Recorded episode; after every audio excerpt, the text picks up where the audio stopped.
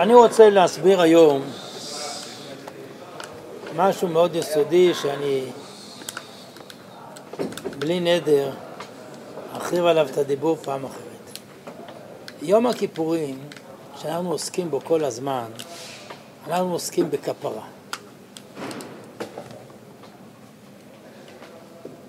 ביום הזה יכפר עליכם מכל חטאותיכם לפני השם תתארו. אבל אנחנו יודעים שבתורה שבעל פה, המשנה בתענית אומרת על הפסוק בשיר השירים, בעטרה שיתרה לו עמו ביום חתונתו וביום שמחת ליבו, יום חתונתו זה מתן תורה. יום שמחת ליבו זה בניין בית המקדש שיבנה במהרה בימינו. אומר רש"י, יום חתונתו זה מתן תורה, יום הכיפורים שניתנו בו לוחות שניים. השאלה איפה אנחנו רואים ביום הכיפורים מימד של קבלת תורה. ויש פה כמה שאלות. יש פה שאלה אחת, מדוע מתן תורה ביום הכיפורים לא כתוב בתורה. זה מופיע בפרקי דרבי אליעזר, שמחשבים את הימים, אחרי זה מופיע בטור, אבל בתורה אין זכר ליום הכיפורים כיום מתן תורה. השאלה, מה הסיבה שאין שום קשר בין יום הכיפורים כיום מתן תורה? ואם כן, למה מתן תורה לא מרכזי ביום הכיפורים? לכאורה יום הכיפורים זה עבודת דם. לעניות דעתי, מי שאיננו מבין שכל עבודת כהן גדול ביום הכיפורים קשורה למתן תורה, לא הבין כלום בעבודת יום הכיפורים. גם אם הוא למד את כל מסכת יומה ויודע את כל הראשונים והאחרונים בעל פה, הוא לא הבין כלום. כלום הוא לא הבין. אני אסביר לכם מדוע. בסוף היום, הכהן הגדול קורא בתורה. אבל כרגע אני אגיד ממש בשטחיות. מה יש בקודש הקודשים? מה יש בארון? שני לוחות, לוחות ספר תורה. בלשון אחרת, מה עיקרו של המקדש? תורה. וזה כותב הרמב"ן בשלושה מקומות. זה כותב הרמב"ן, פרשת תרומה, פרשת עקב, פרשת פקידי. עיקר החפץ הוא הארון שבו מונחת התורה. אם כך, בלי להיכנס כרגע לכל העומק שאני אעסוק בזה לא עכשיו. אם כהן גדול נכנס לפני ולפנים, ולפני ולפנים עיקרו תורה, ממילא מה יום הכיפורים? תורה. למי שלא מבין את זה, לא מבין מה זה יום הכיפורים. מעבר לזה אני אגיד כרגע משפט קצר. כל עבודת הזעת אדם יסודה התקשרות לתורה. זה כל עבודות אדם ביום הכיפורים. כולם יסודם התקשרות לתורה. אני רוצה כרגע לעסוק רק בקריאת התורה של הכהן הגדול, שאנחנו לוקחים את המשנה בתחילת הפרק השביעי במסכת יומא. מופיע כך, בא לו כהן גדול לקרות, אם רצה לקרות בבגדי בוץ, קורא. כלומר, אם הוא רוצה לקרוא בבגדי בוץ, שמתי משתמשים בבגדי בוץ? בכניסה פנימה. איפה קוראים בתורה? בעזרת נשים בחוץ. בכל זאת, אם הוא רוצה להשתמש בבגדי בוץ, זכותו המלאה יכול לקרוא. ואם לא, קורא באיצטלת לבן משלו. כל מי שיש לו הקשבה קצת, אז מה הוא מבין? שקריאת התורה צריכה להיות בבגדי לבן.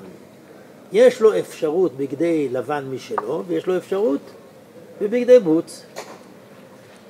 חזן הכנסת נוטל ספר התורה, נותנו לראש הכנסת, ראש הכנסת נותנו לסגן, הסגן נותנו לכהן גדול, כהן גדול עומד ומקבל וקורא, עומד וקורא אחרי מות ואח בעשור, גולל ספר תורה ומניחו בחיקו ואומר יותר ממה שקראתי לפניכם כתוב כאן ובעשור שבחומש הפקודים קורא על פה ומברך עליה שמונה ברכות על התורה ועל העבודה ועל ההודעה ועל מחילת העוון ועל המקדש בפני עצמו ועל ישראל בפני עצמן ועל הכהנים בפני עצמם ועל שאר התפילה.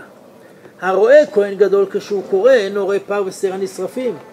הרואה פר ושעיר הנשרפים אינו רואה כהן גדול כשהוא קורא. זה מה שיש לנו תיאור במשניות.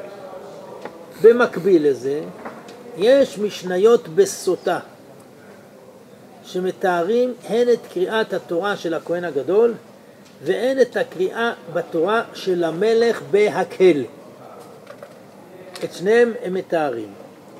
משנה אומרת, ברכת כהן גדול כיצד, חזן הכנסת נוטל ספר תורה, נותנה לראש הכנסת. בקיצור, אני לא אקרא את הכל, כמו שיש במשנה ביום. פרשת המלך כיצד, מוצא יום טוב ראשון של חג בשמיני מוצאי שביעי, עושים לו בימה של אצבע זרה, והוא יושב עליה, שנאמר מקץ שבע שנים במועד שנת השמיטה, חזן הכנסת נותן ספר תורה נותנה לראש הכנסת, ראש הכנסת נותנה לסגן, סגן נותנה לכהן גדול, כהן גדול נותנה למלך, המלך עומד ומקבל וקורא, יושב. אגריפס המלך עמד וקיבל וקרא עומד, שיבחו חכמים, כשהגיע לו לא תוכל לתת אל ריש נוכרי, זלגו עיניו דמעות. אמרו לו אל תתיירא אגריפס אחינו אתה, אחינו אתה, אחינו אתה. וקורא מתחילת אלה הדברים עד שמע וכו'. יש לנו טקס של קריאת התורה. מה המקור לקריאת התורה של הכהן הגדול? הספר שקוראים בו זה הספר שבתוך הארון או ספר אחר? סבלנות, נגיע לזה. מה המקור הדין לקריאת התורה של הכהן הגדול? מה? הקהל. הקל, בהקל. אבל מה המקור? ביום הכיפורים זה לא קשור להקל. אומרת הברייתא בתורת כהנים, מניין שאף אהרון שומע מפי משה כשומע מפי הקודש. תלמוד לומר ויעש כאשר ציווה השם את משה. הבנת המדרש היא שתפקיד הציווי של משה היה על מנת שאהרון יעשה את המעשיו כמבצע מפי הקודש. פרשת המילואים מצינו דרשה שהקריאה מעכבת. אמר רבי יוחנן משום רשב"י, מניין שאף מקרא פרשה מעכב. תלמוד אמר ויאמר משה אל העדה. ורבנו אליקים, בפירוש על מסכת יומא, מבית מדרשו של רש"י, אומר שהדרשה שאפילו דיבור מעכב מתייחס ליום הכיפורים, שצריך לדבר. אבל השאלה למה? למה?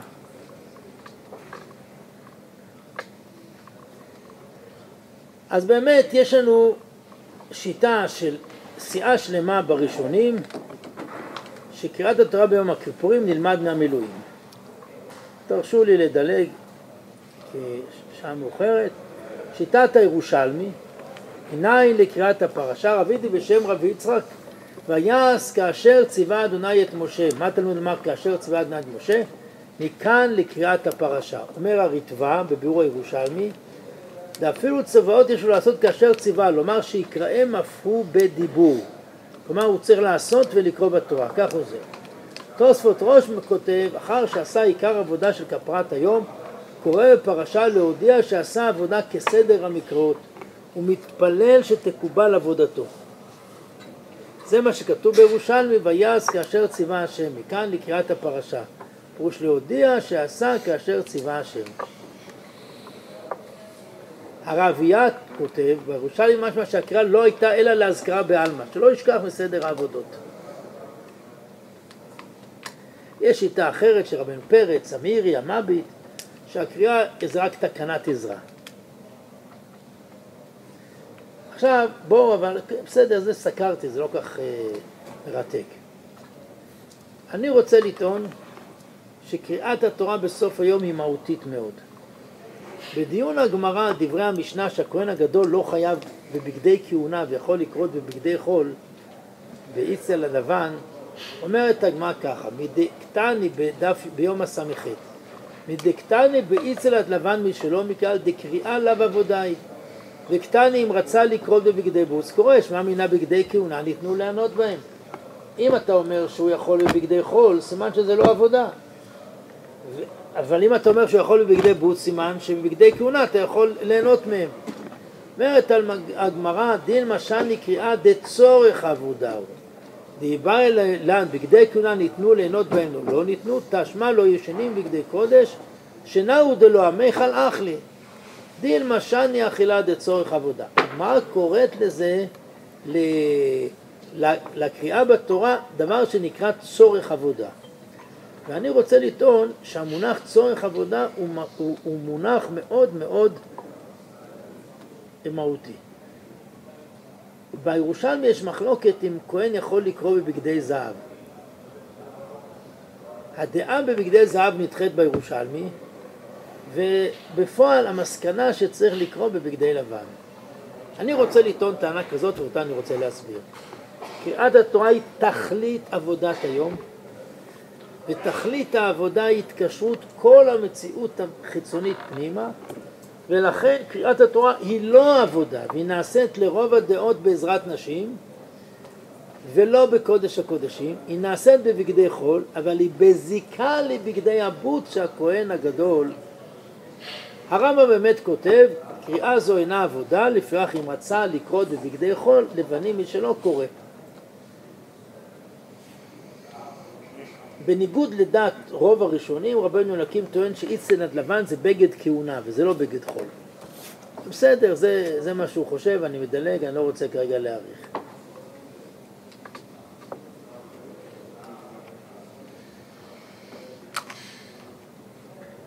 אנחנו יודעים שקריאת התורה נעשית אחרי שהגיע סיר למדבר.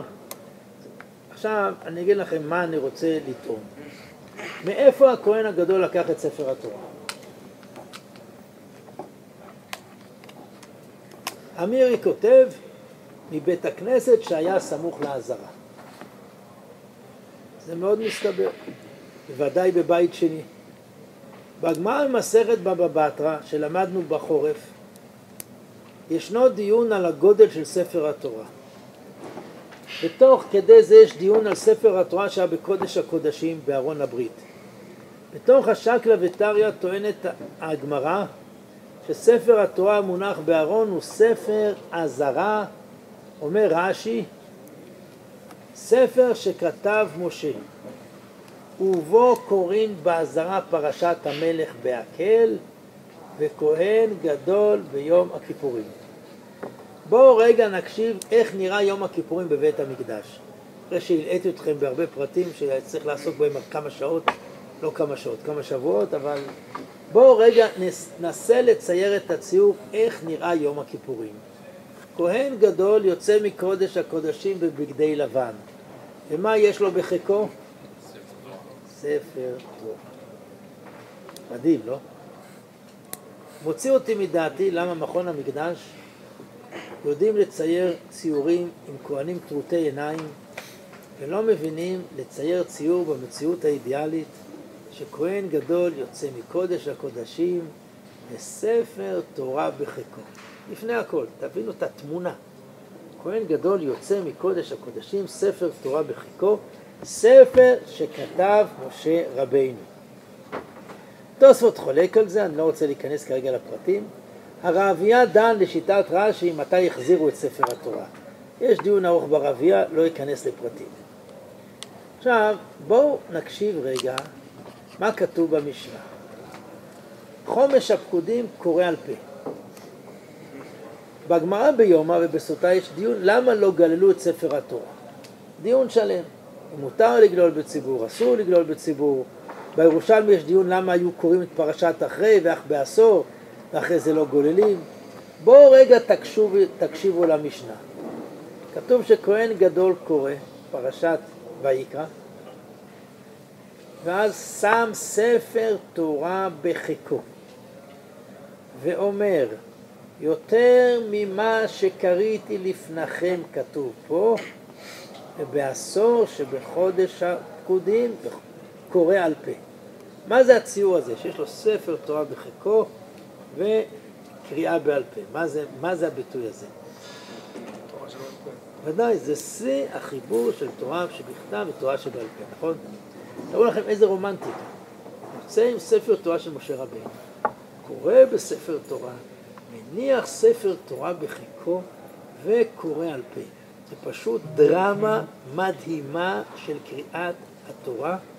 של שילוב בין תורה שבכתב לתורה שבעל פה, עם תורת משה רבינו שהוא מוציא אותה מקודש הקודשים, באמת מה נהדר מראה כהן, זה סוף היום, אבל זה לא נגמר רק בזה.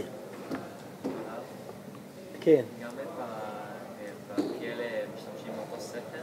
כן, לפי רש"י. בתוך אה, קודש הקודשים. הוציאו אותו.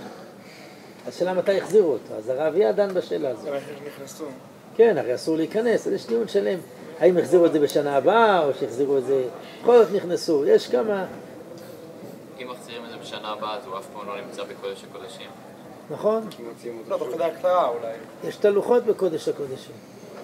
ספר תורה. זה אין ספר תורה בארון, ספר תורה לא ניתן במעמד הר סיני. הלוחות ניתנו. כן? לא תמיד היה את ספר התורה.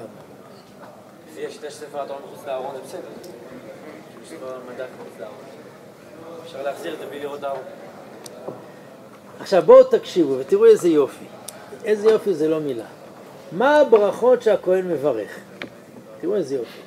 אני ממש אומר לכם בערך עשירית ממה שאני צריך להגיד. אומר רש"י, על התורה ברכה של אחריה אשר נתן לנו. אנחנו מברכים שעולים לתורה שבחר בנו כל העמים לפני ואחרי אשר נתן לנו. אומר רש"י, כהן גדול איזה ברכה הוא מברך? רק אשר נתן לנו. בדומה לרש"י במסכת סוטה, ברכה שאחריה. כלומר זה מהותי. שיטת הירושלמי מאוד מרתקת, יש ברכה מיוחדת ליום הכיפורים. על התורה הבוחר בתורה. לא אשר בחר בנו מכל העמים, אלא הבוחר בתורה, זה לפי ירושלמי. אומר הטורי אבן, זה ברכה מיוחדת שנתקנה לקריאת התורה של הכהן הגדול. בניגוד לרש"י והירושלמי, הרמב"ם פירוש המשנה ביומה ומקביל בסוטה, מפרש שהכהן הגדול מברר ברכת התורה גם לפני הקריאה וגם אחרי, כמו שמברכים. אלו השמונה ברכות, הראשונה אשר בחר בנו, וכל ברך אחר גמר הקריאה אשר נתנו תורת אמת, זוהי ברכה שנייה. בפירוש המשניות מעורני הרמב"ם את ברכת התורה כשתי ברכות, בניגוד לזה במשנה תורה הרמב"ם עקבי לשיטתו שמברכים שתי ברכות, אלא הוא מונה את שתי הברכות בתור ברכה אחת.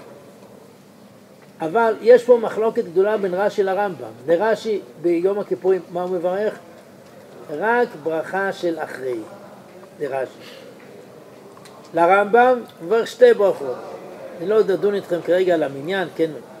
שואל השגת אריה בספר גבורת אריה על רש"י, אומר אני לא מבין, כהן גדול עומד ומקבל וקורא אחרי מות קשה לי, מדלא כמה וכהן גדול עומד ומקבל ומברך על התורה לפניה, כדרך דתני לברך לאחריה על התורה, עלמא אין צריך לברך ברכת התורה לפניה. אמרי, מה ישנה לאחריה דמברך, כדרך שמברכים בציבור, ולפניה אין מברך. מיוהה לו קשיא, למאי דפרש רש"י, די על כל התורה מברך על אחריה, היינו ברכה של אחריה בציבור, שהוא אשר נתן לנו. אבל בירושלמי אחת על התורה בוחר בתורה, אם כן זהו ברכה חדשה שתקנו אחר קריאה. בקיצור, הוא שואל על רש"י, הוא לא מבין למה לא מברכים. אומר הגבורת הרים, מנסה לפתור את הבעיה. נראה לי, כיוון דקריאה זו של כהן גדול אינה חובת ציבור, כקריאת ספר תורה בשבת ויום טוב, ושאר שקוראים בהם מתקנת נביאים, חובת ציבור אבי, הכל חייבים בה, מה שאין כן קריאה זאת, דכהן גדול אינו אלא חובתו. לבר דרמי רחמנא לקריאת הפרשה, אין הציבור חייבים בשמיעתה. כדתני, מי שהולך לראות אסירים הנשרפים, הוא זה לא רואה. ולא מפני של מה אשמה דאי, לא מפני שאינו רשאי הרישא, רואה כהן גדול כשהוא קורא, נמי כעת. בקיצור, אני רוצה לטעון, אני רוצה לטעון טענה, עם ישראל, לפני מתן תורה, בערך ברכת התורה, שאלה משעשעת, נכון? מה נראה לכם? עם ישראל לפני מתן תורה, בערך ברכת התורה או לא? לכאורה לא. לא, למה לא? לא היה להם תורה. כי לא היה להם תורה, יפה מאוד. לא היה להם תורה. ולכן, אני רוצה לטעון, אני רוצה לטעון, שמכיוון שיום הכיפורים הוא מתן תורה, אין לברך ברכה לפניה לפי רש"י, אלא רק ברכה לאחריה.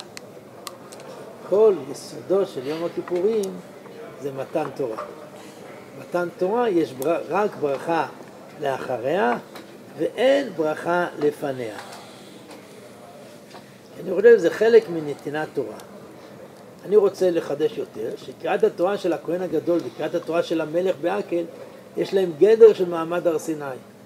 הרמב"ם בהלכות חגיגה, שמוברת קריאת הקהל, הוא אומר, גרים שאינם מכירים חייבים להכין ליבם, להקשיב אוזנם, לשמוע באימה ויראה וגילה ברעדה כיום שניתנה בו בסיני. ואפילו חכמים גדולים שיודעים כל התורה כולה חייבים לשמוע בכוונה גדולה יתרה. כשאני יכול לשמוע מכוון ליבו לקריאה זו שלא קבע כתוב אלא לחזק דעת האמת. אה, עקל זה חידוש מעמד הר סיני מיניאטורי ואני חושב שקריאת התורה של הכהן הגדול ביום הכיפורים שהוא יום מתן תורה אני אגמור, אני פשוט מדלג, אני מרחם עליכם אז איפה העיסוק בזה היום? רק שנייה, זה סבלנות. הקהל פעם בשבע שנים, אבל כהן גדול זה כל שנה. תקשיבו, מופיע ברייתא בגמרא, ברייתא אהובה לה אהבת נפש, תקשיבו. תנו רבנן, שם התפילה, רינה, תחינה, בקשה מלפניך, על עמך ישראל שצריכים להיוושע, וחותם בשומע תפילה.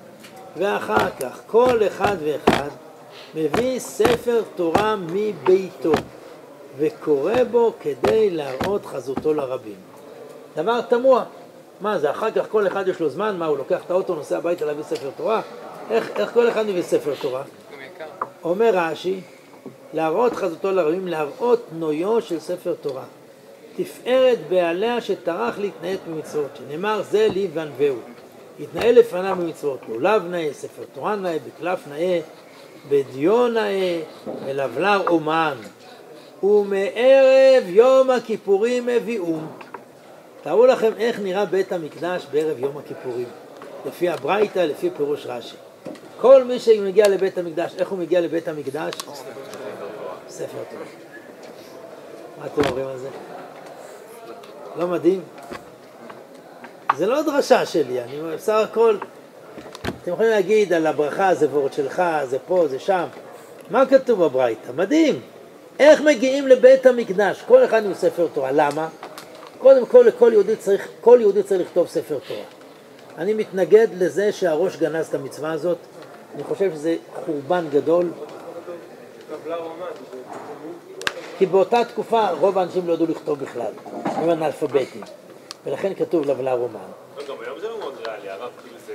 זה ריאלי שכל אחד ילמד, כן, שכל אחד יכנס את התורה? חד משמעית. אני למדתי כתיבת סתם בשביל לקיים מצוות כתיבת ספר תורה, כיוון שאין לי זמן, כל יום הייתי כותב שתי שורות, שלוש שורות, תשע שנים לקח לי, בסוף גמרתי. לא זוכר, לפני כמה שנים טובות. זה אדיר. אני חושב שכל יהודי צריך לכתוב ספר תורה, ואיפה לשים את הספר תורה? בבית, לא בארון הקודש. כל הבתים יראו אחרת.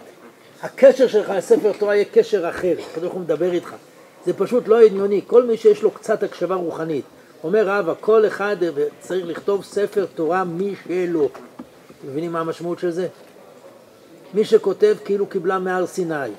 מה אומר הראש? למה צריך הרבה ספרי תורה בארון הקודש? זה לא מועיל. מה עונה לו הבית יוסף? ללמוד. מה, זה שיש חומשים, הלימוד עם חומשים זה לא אותו דבר, לספר תורה יש קדושת ספר תורה. כל יהודי שיכתוב ספר תורה, אבל תארו לכם איזה יופי. כל יהודי ספר תורה, ערב יום הכיפורים, כולם מגיעים ספר תורה. ואז גומר כהן גדול לקרוא, מה עושים כולם? לוקחים את הספר תורה שלהם וקוראים להראות חזותו לרבים. איזה מפגן אדיר של התקשרות לתורה של כולם עם הכהן הגדול. זה יום הכיפורים. ברור לי שיום הכיפורים, אין לי שום ספק, אין לי שום ספק, יש לי פה עוד הרבה להעריך, אני, אני, אני דילגתי על 90% מהדברים רק בשביל... אין לי שום ספק, תבינו, שזה מעמד מדהים. זאת הסיבה שבישיבה, שגומרים תפילת נעילה, פותחים את ארון הקודש, מוצאים את כל ספרי התורה ורוקדים עם ספרי התורה. למה? כי זה תכלית היום. התקשרות לתורה, זה ברור. זה התכלית של כל יום הכיפורים. תכלית של כל יום הכיפורים. מה עושה כהן גדול? כל העבודות שלו, של הכניסה פנימה, יסודם התקשרות לתורה. אני אסביר את זה עוד יותר באריכות. ואני לא מכיר תיאור יותר יפה מזה שכהן גדול יוצא ביום הכיפורים ספר תורה בחיקו, ספר של משה רבינו. מדהים. אחרי זה הוא קורא, מניח בחיקו, ויותר ממה שקראתי לפניכם כתוב פה. זה דבר פשוט שאי אפשר לתאר אותו. משהו לא נורמלי. אז למה היום לא לא לומדים בבית הכנסת לצורך העניין עם ספר תורה? אני, אני אענה לך על זה, א', זה פגם. הפגם הוא יותר גדול, לא למה לא לומדים בבית הכנסת, הבעיה למה אתה לא לומד בבית עם ספר תורה. זה הפגם היותר גדול. בית כנסת. מה, עכשיו, אני אענה לך, לגבי בית הכנסת, לדעתי זה אסור על פי דין. אני אסביר מדוע. היום נוצר מצב מזעזע, ספרי תורה כותבים על מתים. על מתים. אדם מת, כותבים על הספר תורה. מה זה הדבר הזה? ספר תורה זה דבר חי, הפכו את זה למוות. זה משהו לא הגיוני. מישהו מת, עושים הכנסת ספר תורה. שיכתוב בחיים, מה זה הדבר הזה? זה דבר מזעזע. באמת דבר מזעזע. דבר ממש מזעזע הדבר הזה. שאנשים... אה, עכשיו, מה קורה לספרי תורה? היום לדוגמה, שיש פה ספרי תורה. הם לא של הישיבה, בכל המקומות, זה לא של בית הכנסת. פלוני כתב לאבא שלו שמת ספר תורה, ויש חוזים. הוא אומר, אני עכשיו נותן לכם את זה, מתי שאני רוצה אני יכול לקחת. לדעתי זה מוצדק. יש המון בתי כנסת שהם פורחים מאוד, לדוגמה תיקחו בתל אביב, ואחרי דור מה קורה להם? אין אף בן אדם בנפש חיה. אז מה, זה צריך להיות תקוע שם? לכן יש חוזים, הספר הוא לא של הישיבה. רוב הספרים פה הם לא של הישיבה. אז איך אני מוציא ביום שישי ובזה ספר תורה? קודם כל אני מבדיל בין ספר תורה שאני מוציא בשיחה בליל שבת, שמבחינתי זה כמו קריאה בתורה. אני לא שואל אותם, זה על דעת זה. עכשיו, יש פה בעיה בדיני ממונות. בגמרא במציע כתוב, זה נכון, ספר תורה בלה. תדעו לכם, ספר תורה שמשתמשים בו מתקלקל. ברור שהוא מתקלקל. ולכן צריך לדעת שבהרבה בתי כנסיות יש ספרי תורה עתיקים, בית כנסת זה לא מוזיאון. ספר תורה שמחזיק בדרך כלל יותר מ-100 שנה, אם ישתמשו בו באמת, מה מצבו אחרי 100 שנה? מתה מחמת מלאכה, אין לו מה לעשות. מה, מה עושים איתו? קוברים אותו, זה מה שצריך לעשות איתו. חלק גדול מבתי הכנסת היום זה מוזיאונים. הרב מנחם פורמן יום אחד בא אליי ואומר לי, תשמע, גאלתי ספר תורה מהערבים. אמרתי לו, תראה לי אותו. מראה לי אותו, אמרתי לו, הוא פסול. פתחתי לו הלכה מפורשת בשולחן ערוך, שאין דין לתת כסף על ספרי תורה שגנבו אותם יותר מכדי דמיהן. אמרתי לו, זה מיותר לגמרי. אמרתי לו, הספר תורה הזה הוא פסול, אי אפשר לתקן אותו. אני לא מבין למה אתה משלם לערבי. בסוף מרכז פרס לשלום הלך וקנה את הספר הזה בהון תועפות, בזבוז כסף, יכולים לשים אותו בוויטרינה, זה בערך כמו לשים מומיות, אין לזה לא טעם ולא ריח. ספר תורה זה דבר חי.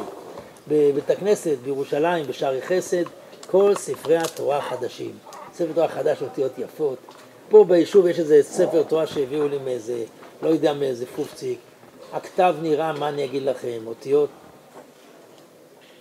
האותיות נשברות, האותיות זה, מי צריך את זה? ספרי תורה צריכים להיות ספרי חדשים, כל יהודי צריך לכתוב ספר תורה. עכשיו, מכיוון שספר תורה הוא בלה, נותנים את הספר תורה לקריאה בתורה, מבחינת דיני ממונות מותר לי לקרוא בו? לא. זה דין בדיני ממונות. אז איך אני בשיעור ביום שישי מוציא ספר תורה? יעקב נאמן, זיכרונו לברכה, שתרם את הספר תורה הזה, תרם, או זה, אני, אני, אני אפילו לא זוכר מה, אם יש חוזה או אין חוזה, אני, אני אולי אפילו לא הייתי שם, אני לא יודע. אמרתי לו, אני מעביר שיעור, אני מבקש רשות ממך. והוא אמר לי, אין לי בעיה, בשמחה. לכן ביום שישי אני מקפיד להוציא את הספר תורה של יעקב נאמן, ולא את שאר הספרים. אבל המצב האידיאלי זה לא הספרי תורה האלה שזה סתם כל אחד מרגיש בעל הבית. יש לך ספר תורה, ואתה מוציא אותו, זה דבר אדיר, זה מה שצריך להיות. מה הבעיה לשמור תורה?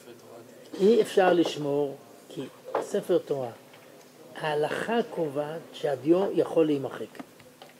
זה לא כי לא מייצרים טוב, כי לומדים את זה בפרשת סוכה. זה אומר שאם אני לוקח ספר תורה ואני זקן קצת ואני, ויוצא לי קצת רוק, מה קורה לספר תורה?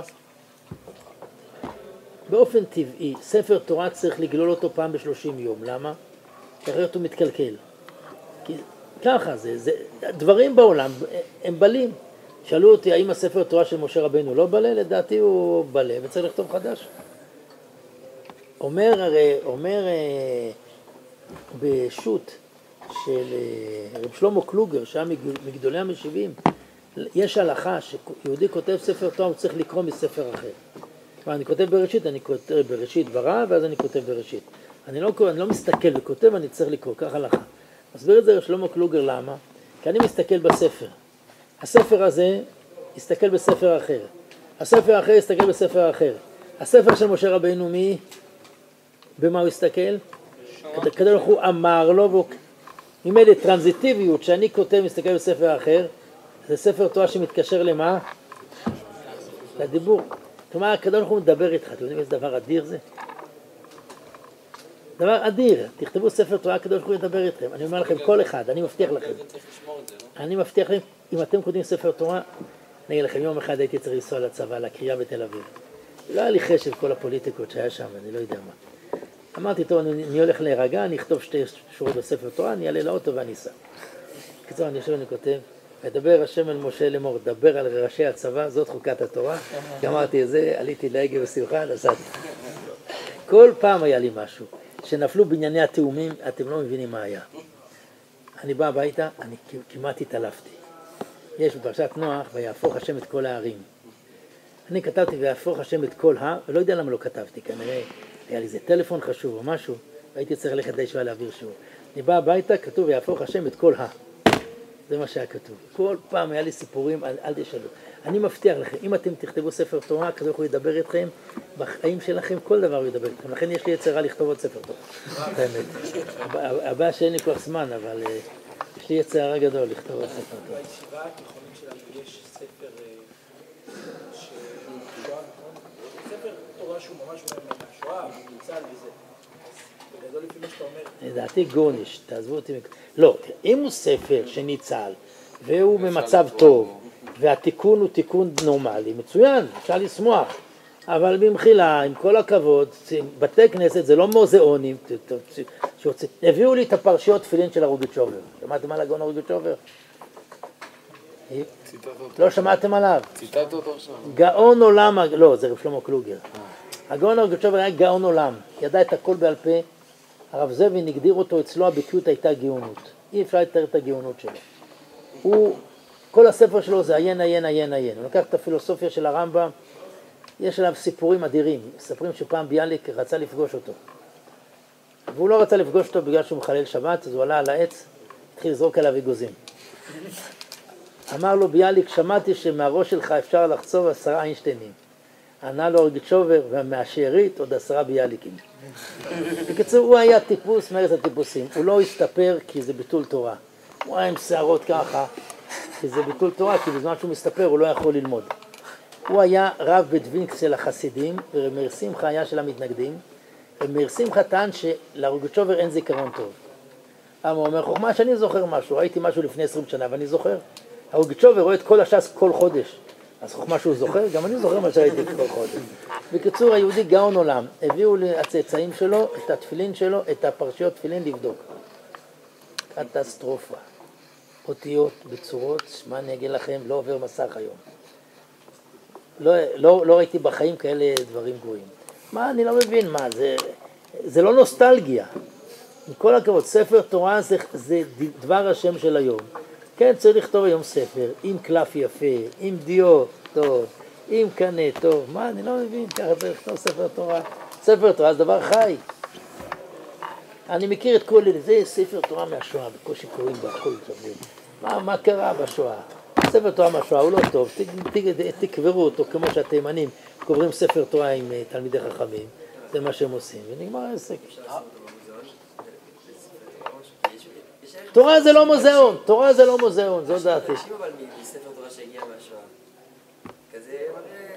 מה יש להתרגש? אני בוכה ספר תורה שהגיע מהשואה לא, ורמסו אותו. הפכו אותו לנעל- לסוליות נעליים, אז מה יש להתרגש? צריך לקרוא קריאה, מה צריך? אני לא מבין. אבל זה לא קשור לרגש. תפילין של הרגצ'ובר זה אומר שהרגצ'ובר השתמש בהם כדי- כדי לדבר עם הקדוש ברוך הוא. זה היה טלפון של הרגצ'ובר והקדוש ברוך הוא. נכון. אם לי יש זכות להשתמש בטלפון הזה גם יש לדבר עם הקדוש ברוך הוא. אבל אם זה פסול, אז מה? אם זה פסול, אז מה? זה נשאר במגירה שלי. לא זרק. יש בזה סמליות שאני חושב שיש בה ערך. לא לקבור. לשמור, לשמור את זה. למסגר. מה, למה לא? ספר תורה ששרד את השואה מראה אתה יודע מה? חידושי תורה ששרדו את השואה מרגש אותי הרבה יותר. גם. אני, אני אספר לכם, עכשיו בישיבה אנחנו הולכים להוציא ספר חידושים על מסכת ערכים, זה נמצא בגמר, אבל אני לא יודע, גמרו לאמד, לא יודע, צריך להיות בדפוס, של מורי ורבי רב ארי בינו. הוא כתב את הספר הזה בזמן שהוא למד במיר לפני השואה. ואז הוא עלה לארץ. בהתחלה הוא עבד בבניין, אחרי זה הוא הקים משק בכפר רועה, והתכתב עם כל גדולי הדור על מצוות התלויות בארץ. ואז באה מלחמת העולם השנייה, והוא הבין שהולכים לרצוח שם את כל משפחתו ורבותיו.